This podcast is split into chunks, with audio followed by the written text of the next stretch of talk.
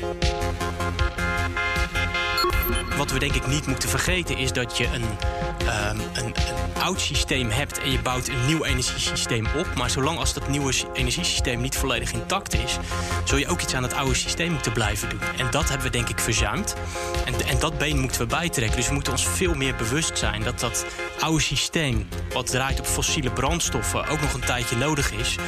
Ehm, en we zullen veel, ook veel geopolitieker moeten gaan denken. En dat hebben we denk ik ook te weinig gedaan.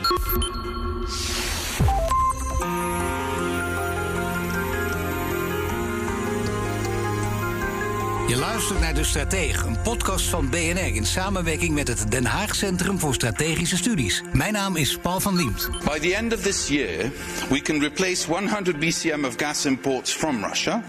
That is two thirds of what we import from them. This will end our overdependency and give us much needed room to maneuver. We're banning all imports of Russian oil and gas and energy. That means Russian oil will no longer be acceptable at U.S. ports, and the American people will deal another powerful blow to Putin's war machine. De olieprijs schiet omhoog als gevolg van Poetins oorlog. En dus ook de benzineprijs. Aan de pomp is dat goed te merken. Met een gemiddelde adviesprijs van inmiddels 2,49 euro.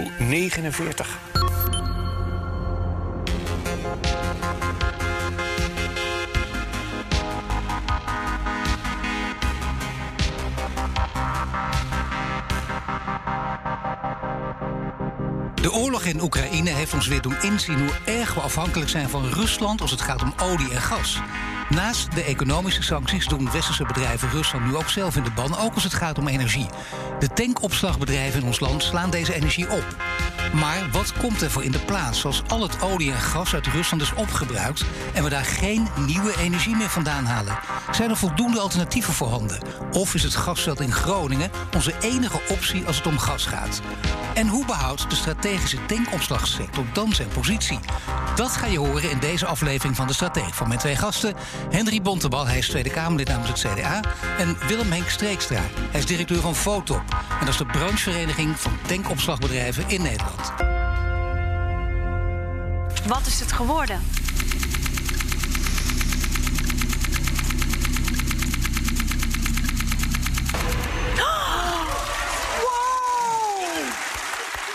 Oorlog in Oekraïne houdt ons natuurlijk allemaal bezig. We zien vreselijke beelden. Maar naast die ellende zien we ook steeds meer liefdadigheid voor de Oekraïners. Ze hadden Giro 555, dat hoorden we net een verslagje. Ze hadden 106 miljoen op. Die liefdadigheid, eh, Henry Bontebal, val- valt die ook op of niet?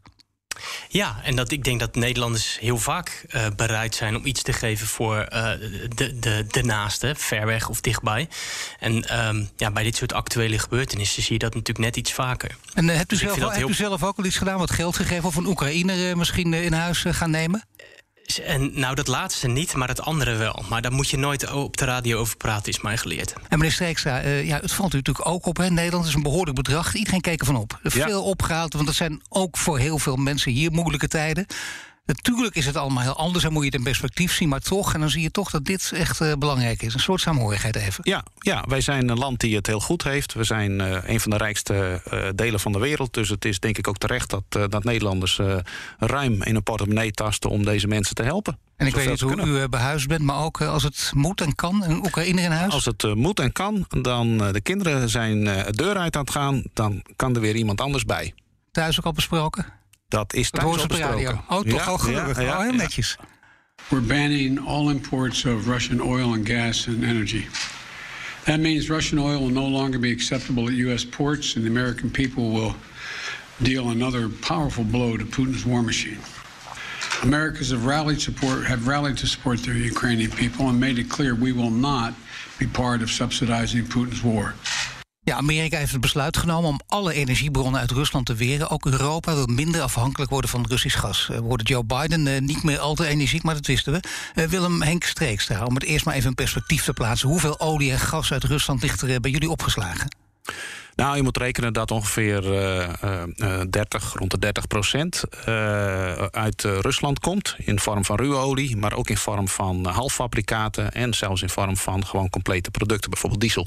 Ja, maar dat is in percentages is het dan uitgedrukt, uh, zou je kunnen zeggen, rond de 40 procent? Ja, 30, 40 procent, uh, daar moet je rekening houden. Dat, dat scheelt natuurlijk per, per soort. Nee, ja. natuurlijk, nee, zeker. Je moet hem iets genuanceerder zien. Maar toch, uh, laten we zeggen, tussen 30 en 40, substantieel behoorlijk veel. Ja. Ja. En welke gevolgen ondervinden jullie nu al van die oorlog? Ja, we, we hebben dus te maken met hoge prijzen. Daarnaast hebben we te maken met self-sanctioning. Dat betekent dat bedrijven uit eigen wil kiezen om geen Russische producten meer uh, te kopen.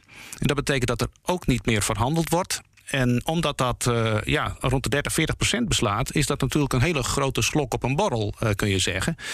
Uh, en dat is de afgelopen dagen dus, dus gaande. En dat is voelbaar. Ja, want inderdaad, we denken steeds, dat is het eerste. Je kijkt eerst naar, naar Rusland en kijk je naar wat regeringen zeggen. Nee, het gaat om de publieke opinie. En dat is ja. heel belangrijk wat dus ook Amerika zegt. Ja, nu Biden heeft gezegd we willen geen Russische olie meer... Uh, moet je ook weten dat uh, heel veel bedrijven connecties hebben met Amerika. Of die hebben Amerikaanse investeerders of doen er zaken mee.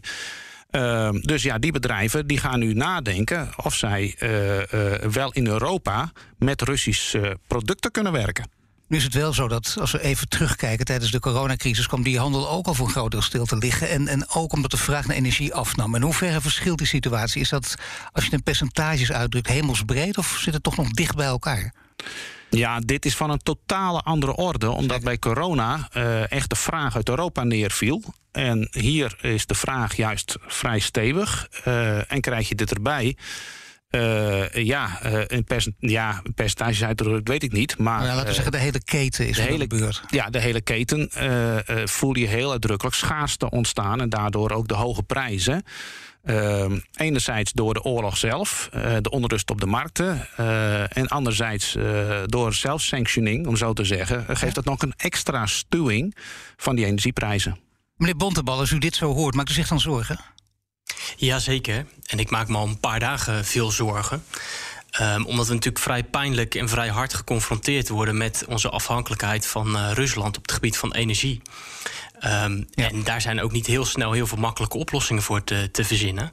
Het is natuurlijk een, een tamelijk pijnlijke realiteit dat wij uh, ja, met die afhankelijkheid um, ja, ook die oorlog uh, voor een deel mogelijk maken. Maar hoe kijkt u uh, specifiek naar deze sector, waar meneer Streekstra het nu over heeft, als we echt kijken naar de tankopslag en als hij dit verhaal vertelt? Nou ja, kijk, die, die hele olie- en gasmarkt uh, is natuurlijk enorm in beweging. We zien hele gekke um, uh, prijsontwikkelingen. Als je kijkt naar de gasmarkt, een jaar geleden stond de prijs van gas nog dachten rond de 18 euro. Dat is factor 10 hoger. Gisteren zag ik hem even zelfs de 360 geloof ik aantikken. Dat, zijn natuurlijk, ja. dat is een enorme prijsvolatiliteit op die markt. En um, ja, dat klinkt allemaal vaag en abstract, maar dat werkt allemaal door in wat huishoudens gewoon voor hun energierekening betalen. Um, ik, mag, uh, ik ben in de gelukkige positie dat ik regelmatig werkbezoeken afleg. Um, ja, en ik kom bij tuinders die gewoon een heel deel van hun kas uh, uh, leeg laten staan. Ja, of van plan uh, zijn überhaupt niet meer te gebruiken. Of overwegen zelfs helemaal te stoppen. Omdat, die, omdat de gasprijs omdat het gewoon niet meer te betalen is. Nou ja, het gaat dus nog het een geeft stapje... een enorme schok. Het gaat nog een stapje en verder, zo ik in de reden van. Maar gaat eigenlijk nog een stapje verder. Als we naar meneer Streekstra luisteren, hij had het ook over, dat, over die self-sanctioning. Waardoor veel ja. meer bedrijven ook ja, in de kramp schieten. Ja, en dat, dat is. Dat, aan de ene kant vind, is het ook natuurlijk mooi, hè, omdat het ook wel iets over die bedrijven ze, zelf zegt. Hè, dus niet alles dat, dat, die, wat van de overheid uh, komt. Um, maar ja, dat, dat gooit nog wel weer die, die, die olie- en die gasmarkt nog verder uh, overhoop. Maar goed, het is natuurlijk heel begrijpelijk wat er gebeurt. Het is, het is verschrikkelijk wat er uh, ja. in Oekraïne gebeurt. Dus ik snap ook heel goed dat die bedrijven daar uh, dit soort besluiten nemen. By the end of this year, we can replace 100 BCM of gas imports from Russia. That is two thirds of what we import from them. This will end our overdependency and give us much needed room to maneuver. Ja, Frans Timmermans, hij kondigde eerder deze week aan dat Europa een plan heeft om eind dit jaar voor twee derde minder afhankelijk te zijn van Russisch gas. Voor eind van dit jaar. Dat is behoorlijk snel. Vraag voor jullie beiden: kan dat? Kan dat in, laten we zeggen, ruim uh, een kleine tien maanden tijd? Uh, laten we beginnen met minister Ekstra. Ja, ik denk dat het een, uh, ik denk dat het een hele uitdaging uh, wordt. Twee derde is natuurlijk ontzettend veel. En we hebben op, ja. uh, op eigen continent niet heel veel eigen gasvelden, behalve Groningen dan, binnen Europa. Dat is, dat is een substantieel gasveld. Uh, dus ja, uh, uh, de commissie heeft ook nog niet gezegd hoe ze precies dat gaan doen. Nou, dus... hij heeft wel iets uit de doeken gedaan, maar inderdaad nog, laten we zeggen, in brede zin. Ja, ja dat, in dat brede moet je zin. detail weten. Ja, ja. ja. Dus nou, we wachten even af hoe, hij dat, uh, hoe de commissie dat precies ziet. Maar meneer Bontebal, wat vond u van deze aankondiging? Nou, allereerst vind ik het ontzettend goed dat Europa met zoiets komt. Uh, en ook zo snel. Hè. Dus ik vind het wel erg, erg goed dat, dat, dat Europa uh, in deze crisis samen optrekt. En ook in deze crisis optrekt op het gebied van energiebeleid. Nou, dat heeft Poetin ongewild veroorzaakt, kun je zeggen, ja.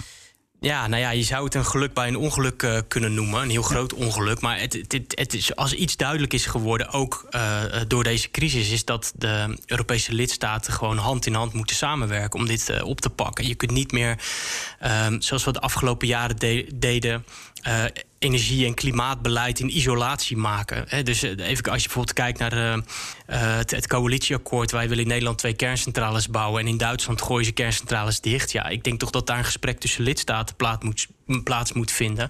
van hoe stemmen wij ons energiebeleid uh, op elkaar nou ja, Als je nu naar Timmermans denk... luistert... En, en dat, ja, hij is natuurlijk de man van de Green Deal... de man ook van de energietransitie versnellen. is ja. dit nu een moment, dat het kan ook... Hè? er zijn natuurlijk nu verschillende geluiden, verschillende partijen... die ook een kant schoon zien. Maar is dit ja. het moment om de energie transitie te versnellen of juist even op je handen zitten? Nee, ik denk dat je meer sporen moet bewandelen. Um, de energietransitie versnellen waar dat kan, natuurlijk. Daar is iedereen voor. Althans, de meeste mensen. En ik denk dat ons coalitieakkoord, daar zit die ambitie in. Wij doen meer dan Europa van ons vraagt. Het zal nog een hele kluif worden om alles, alle ambitie die in, het, in, ons coalitieakkoord staat, om dat uit te werken. Um, uh, alleen wat we denk ik niet moeten vergeten is dat je een een, een oud systeem hebt en je bouwt een nieuw energiesysteem op. Maar zolang als dat nieuwe energiesysteem niet volledig intact is, zul je ook iets aan het oude systeem moeten blijven doen. En dat hebben we denk ik verzuimd.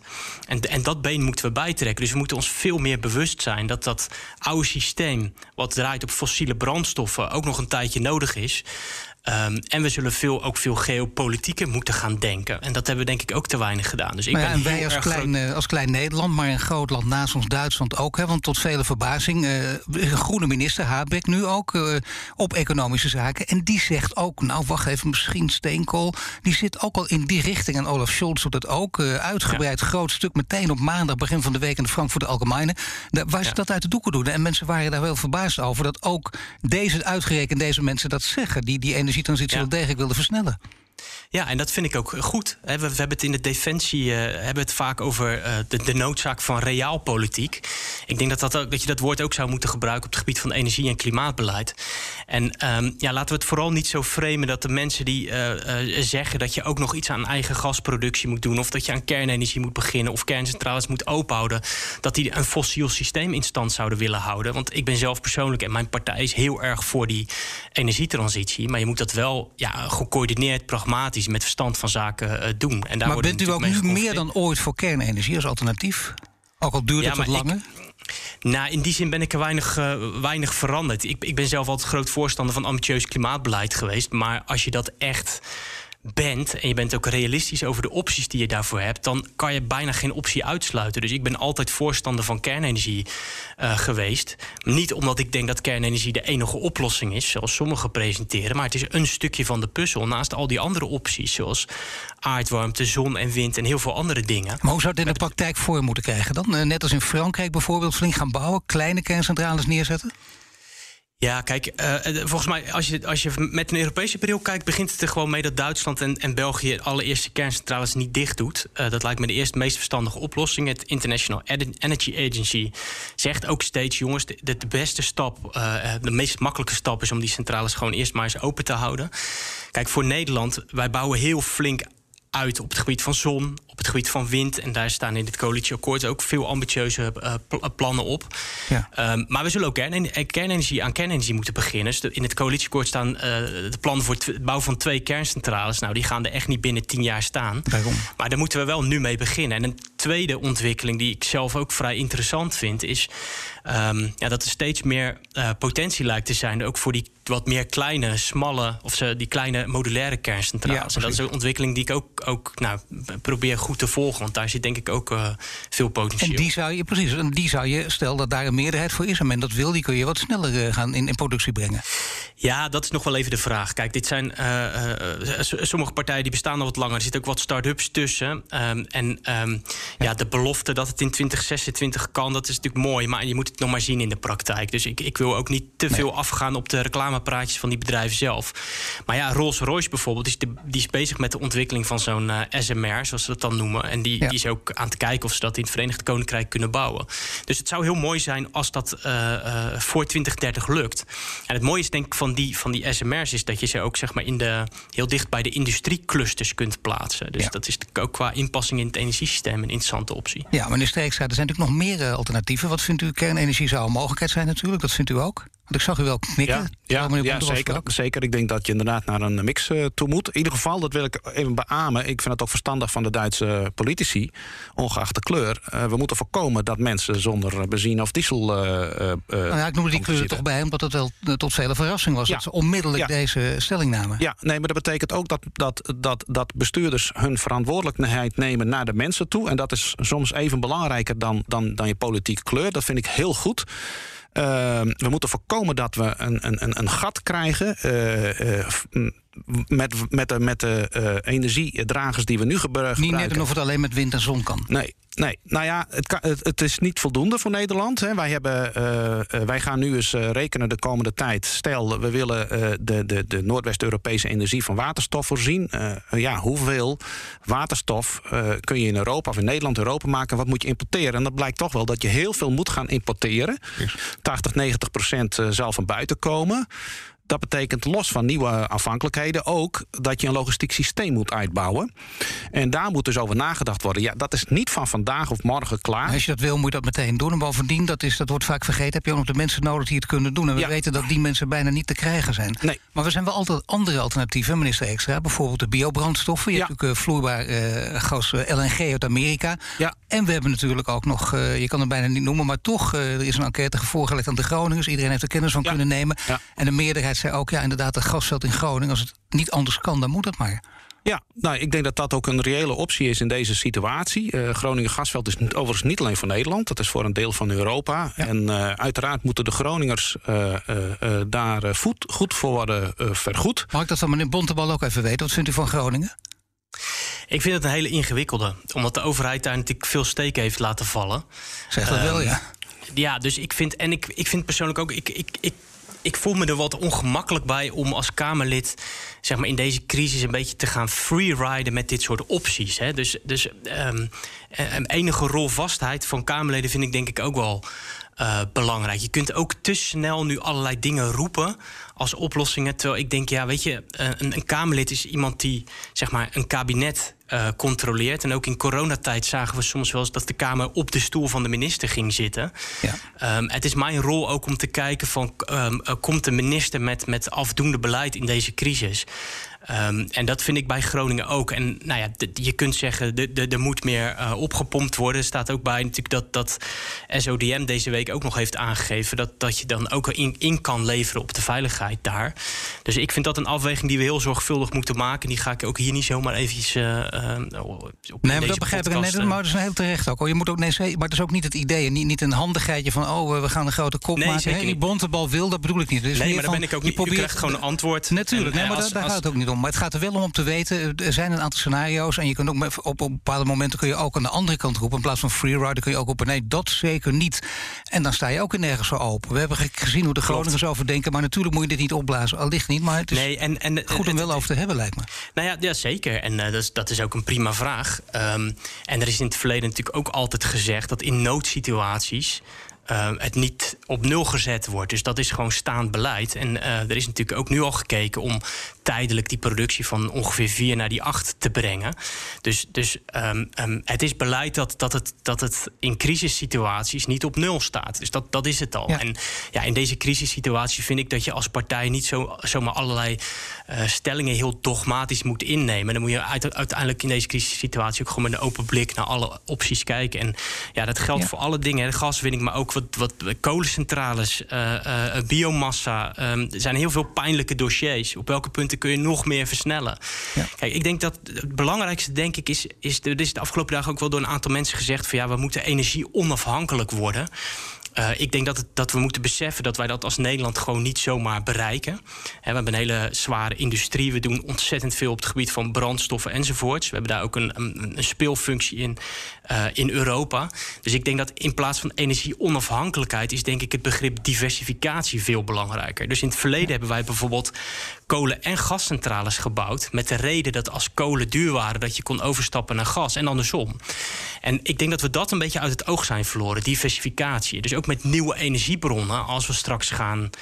Uh, aan de slag gaan met de import van waterstof, ja, dan moet je ook daar weer naar kijken. Van hoe diversificeer je je aanbod van energie. En dat maakt je als economie ook minder kwetsbaar voor nou, Dat is een mooi eh, woord, maar dan wil, je wel heel, dan wil je wel heel graag weten hoe de percentages liggen natuurlijk. Hè? Want anders kan uh, onder het mom van diversificatie kun je ook een veel kanten op. Maar ik begrijp wat u bedoelt. Nou, voor voorbeeld. precies, nou, misschien een voorbeeld. doe eens een voorbeeld. Nou ja, um, um, uh, het verschil tussen gas en, uh, en, uh, en olie. olie is natuurlijk een andere markt als de gasmarkt waar we nu mee te maken hebben. Kijk, Europa zit even, dus maak ik het even heel plat, met een dikke pijp aan, aan Rusland vast. Waar op Europees niveau ongeveer 40% komt uit Rusland. Ja, en dat, we zijn gewoon fysiek aan elkaar verknoopt. En je hebt dus heel weinig bewegingsvrijheid. Ja, tenzij je met vloeibaar aardgas aan de, aan de slag gaat. Maar dat kunnen we gewoon nu even niet doen, omdat we daar gewoon de capaciteit niet, niet voor hebben. Nee, nu zei het al. O, de, olie de, de geopolitieke rol van energie niet uit het oog verliezen. Daar komt het dan op neer. Ja, en, en, en bij bijvoorbeeld olie, daar, daar heb je natuurlijk die, die, die, die, die aanbodkant zit anders in elkaar. Omdat die schepen de hele wereld overvaren. Dus als je het niet uit Rusland haalt, dan kun je het makkelijker uit een ander land halen dan als het over, over bijvoorbeeld gas gaat. Maar dus, dus uh, de tankopslag, daar praten we ook over. En, en welke rol ziet u dan in, in deze energiekwestie voor de Nederlandse tankopslag weggelegd? Nou ja, e- even ook los van deze crisis. Een, Nederland en, en nou ja, de, de, de, stad waar ik mag wonen al een jaartje of uh, veertig, uh, Rotterdam. Oh. Uh, vervult natuurlijk een cruciale rol in, in uh, ja, de, de handel in, in, uh, in brandstoffen. En wij zijn natuurlijk een, een, een doorvoerhaven naar het achterland. Uh, de, als je kijkt naar hoeveel raffinaderijen Nederland heeft, dat is natuurlijk veel meer dan wij zelf eigenlijk nodig zouden hebben. Dus wij vormen daar een speelfunctie. En die opslagen die zijn natuurlijk daar cruciaal voor. Om, om nou, voorraadbeheer, maar ook gewoon om de handel in dat soort brandstoffen uh, makkelijk te maken. Dus voor de industrie is het belangrijk, voor de handel die wij doen.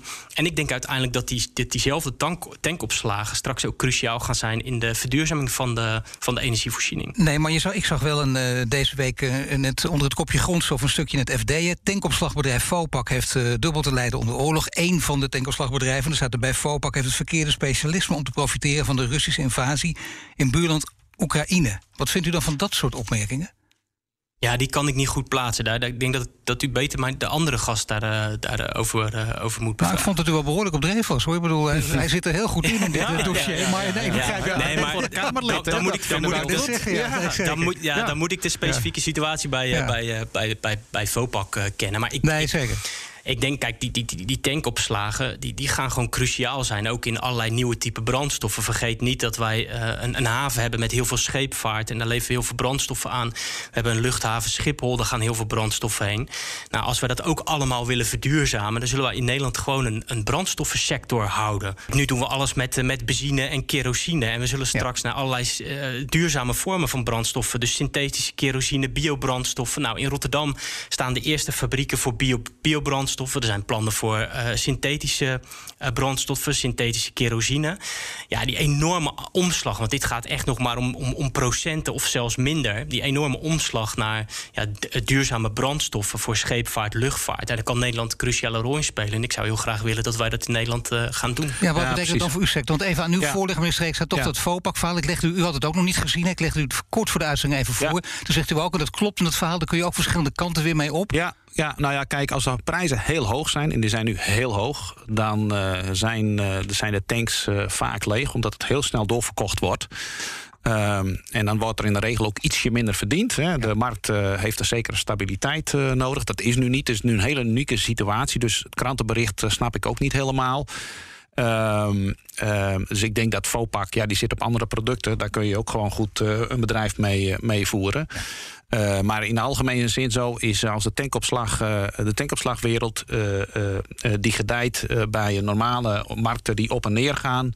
En ja, dit is een hele bijzondere situatie. Dus er zijn tanks die zijn leeg omdat het snel weer doorverkocht wordt. En dan heb je verschillende scenario's. En één, laten we zeggen, tamelijk optimistisch scenario zou kunnen zijn. Nou, stel dat het over twee weken, want dat kan. Hè? Je kunt verschillende scenario's bespreken. Dit is één van. Dat wordt ook door mensen die de geopolitiek, uh, nou, laten zeggen, als specialist, maar ook hebben ook als één van de scenario's gezien. Dat kan opeens gewoon iets meer rust komen. Maar ja. op iets binnen een paar weken.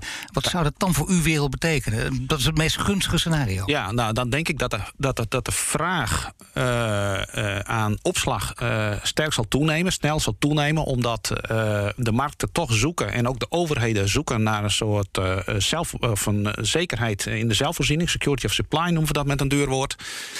daar, daar, daar zoeken de markten naar. En ja, dan zul je in Europa uh, opslag uh, voor nodig moeten hebben. Dat is A, nodig om gewoon, je wilt je auto rijden, dus we moeten wat achter de hand hebben. Maar B, uh, de handel moet weer zo functioneren dat je de optimale prijs krijgt. En daar heb je opslag voor nodig. En, daar, en dat is de mondiale functie van Nederland. Hè. Vergeet niet, hè, zegt terecht, van we moeten global kijken. De oliemarkt is een global markt. En uh, de, de, de, de meest optimale prijs wordt behaald doordat je goed met elkaar handelt. En uh, ja, die rol vervult uh, Nederland. Dus nee, het gaat niet alleen om het eigen gebruik, ook niet eens voor West-Europa. Het gaat zelfs om een wereldfunctie die Nederland heeft. En die moet ze koesteren. En daar kan ze ook straks weer, als je mm, naar andere moleculen, waterstof of andere moleculen denkt uh, ook weer die rol uh, uh, vervullen. En daar moeten we zuinig op zijn. Dat is een mooie rol en dat, daar, daar hebben we ook veel welvaart aan te danken. Hè. Daar heeft Rotterdam haar welvaart, Nederland haar welvaart aan te danken. En, Meneer Bontebal is niet voor niks bijna nooit meer weggegaan uit die nee, mooie stad. Nee, nee, ik snap ja, dat helemaal. Zeker, zeker. Ja, nou is, het, nou is het wel zo, als ik die vriendelijke vraag stel naar dat, dat prettige scenario... dan is het natuurlijk ook een gunstig scenario bedoel ik. Dan is het natuurlijk ook een, een heel somber scenario. En wat is dat scenario? Ja, het meest, sector? Ja, het meest sombere scenario is uh, uh, dat ehm, ja, het zo rigoureus door een stop nu komt op, op, op, op, op olie. Ehm, dan kunnen wij dat niet, of de handel, het hele systeem kan dat niet zo snel uh, bijbenen. Ja, dan kan de diesel en de benzine wel eens op de bon uh, komen. Dus dat zou het meest sombere scenario zijn. Maar dan is niet alleen de tankopslagwereld uh, somber, dan zijn heel veel mensen somber. Nou, dat, dat willen we niet. dat kun je inderdaad zeggen. Nee, dat wil je niet. Maar dat is inderdaad ook een. Dat kan een gebeuren. Scenario. Dat kan gebeuren en daar kan voor gekozen worden, ja. Wat vindt u eigenlijk van de Nederlandse politiek? Want uh, Henry Bontebal zegt natuurlijk... je moet ook niet, ook als we hier nu uh, zo aan het praten zijn... niet te veel freerider, want dat kan uit een context getrokken worden... kunnen mensen ja. naar Den Haag gaan. Ja. Dan dat, moet je, dat wil je in ieder geval niet doen. Want moeilijk nee. genoeg is in zo'n situatie. Ja. Maar toch wil je alle scenario's langs gaan. Wat zou u het liefst hebben? Van de, wat zou u het liefste voor uw sector verwachten... als u helemaal nu in uw eigen straatje mag praten? Wat zou u dan willen van de Nederlandse politiek? Nou, ik vind dat de Nederlandse politiek uh, heel goed contact moet onderhouden met die oliesector waar wij een onderdeel van zijn. Uh, heel goed naar de specialisten in het veld moet luisteren wat er gebeurt. En de Nederlandse regering moet ook heel goed denken, bedenken: het gaat niet alleen om Nederland, het gaat een functie die we allereerst voor Noordwest-Europa hebben en daarna de rol in de wereld. En zo moet je van buitenaf naar binnen weer redeneren en weer terug om tot goede besluiten te komen. Ja, en normaal gesproken is het ook logisch, als u directeur bent van een branchevereniging, dat u ook praat voor uw eigen vereniging en waar al die bedrijven onder vallen. Maar in deze tijd kijk je natuurlijk ook naar coalities, onvermoede coalities. Kijk je naar alles en iedereen. En er worden ja. ook ouderwetse woorden als solidariteit naar boven gehaald. En dan moet je kijken, niet alleen naar je eigen sector kijken. Absoluut. En uh, dat vind ik ook. Wij, uh, wij zijn de sector die ook in, midden in de samenleving staat. En zo moet je ook denken. En ik kom ook ongelooflijk veel mensen tegen in de sector die zo denken. Uh, en dat betekent dus dat wij verstandige besluiten moeten nemen met z'n allen. En goed naar elkaar moeten luisteren. En uh, uh, soms moet je even tot tien tellen, vind ik. Dus dan moet je even, even voorbij gaan aan je eigen gevoelens en sentimenten. Maar dan moet je denken. Ik bedoel, er stond af en toe op ontploffen. Je moet oppassen met woordgebruik ook in deze tijd. Maar ja. je was even heel boos. Ja, ja, dan. dan... Nou, laat u maar even gaan. Dan. Ja. nee, maar het is belangrijk natuurlijk dat je, dat je het beste zoekt voor iedereen. Voor de Oekraïners, uh, uh, maar ook voor de Europeanen. Ehm, en we vinden dit natuurlijk vreselijk wat er gebeurt. We vinden dat Poetin en zijn mensen moeten stoppen. Uh, maar we moeten ook goed kijken en bedenken wat zinvol is om te doen, wat werkt en functioneert en wat goed is. Nou, u zegt niet voor niets uh, Europa en vervolgens de wereld. Laten we het even dan uh, tot Europa beperken. Ja, meneer Bontebal, dat merk je nu in bijna elke discussie waar we het over hebben. Daar had u het in het begin van, van deze podcast ook al over. Het, het belang van Europa wordt wel steeds groter en, en meer gedeeld ook door mensen die dat voorheen niet deden. Denkt u ook dat dit nu onomkeerbaar is en dat, dat mensen elkaar in ieder geval op dit gebied elkaar gevonden hebben? Ik denk het wel. Uh, het is natuurlijk heel moeilijk om, om, om nou ja, een jaar vooruit te kijken en, en, en dan te bedenken van wat beklijft er nou. Um, ik denk wel dat, het een, dat, dat, dat we even heel erg flink met onze neus op de feiten zijn uh, gedrukt. Um, uh, de, die realpolitiek waar ik het eerder over had op het gebied van defensie, maar ook op het gebied van energie- en klimaatbeleid. Ik denk dat dat, dat, dat wel iets is als wat, wat gaat beklijven. Althans, dat hoop ik ook heel erg.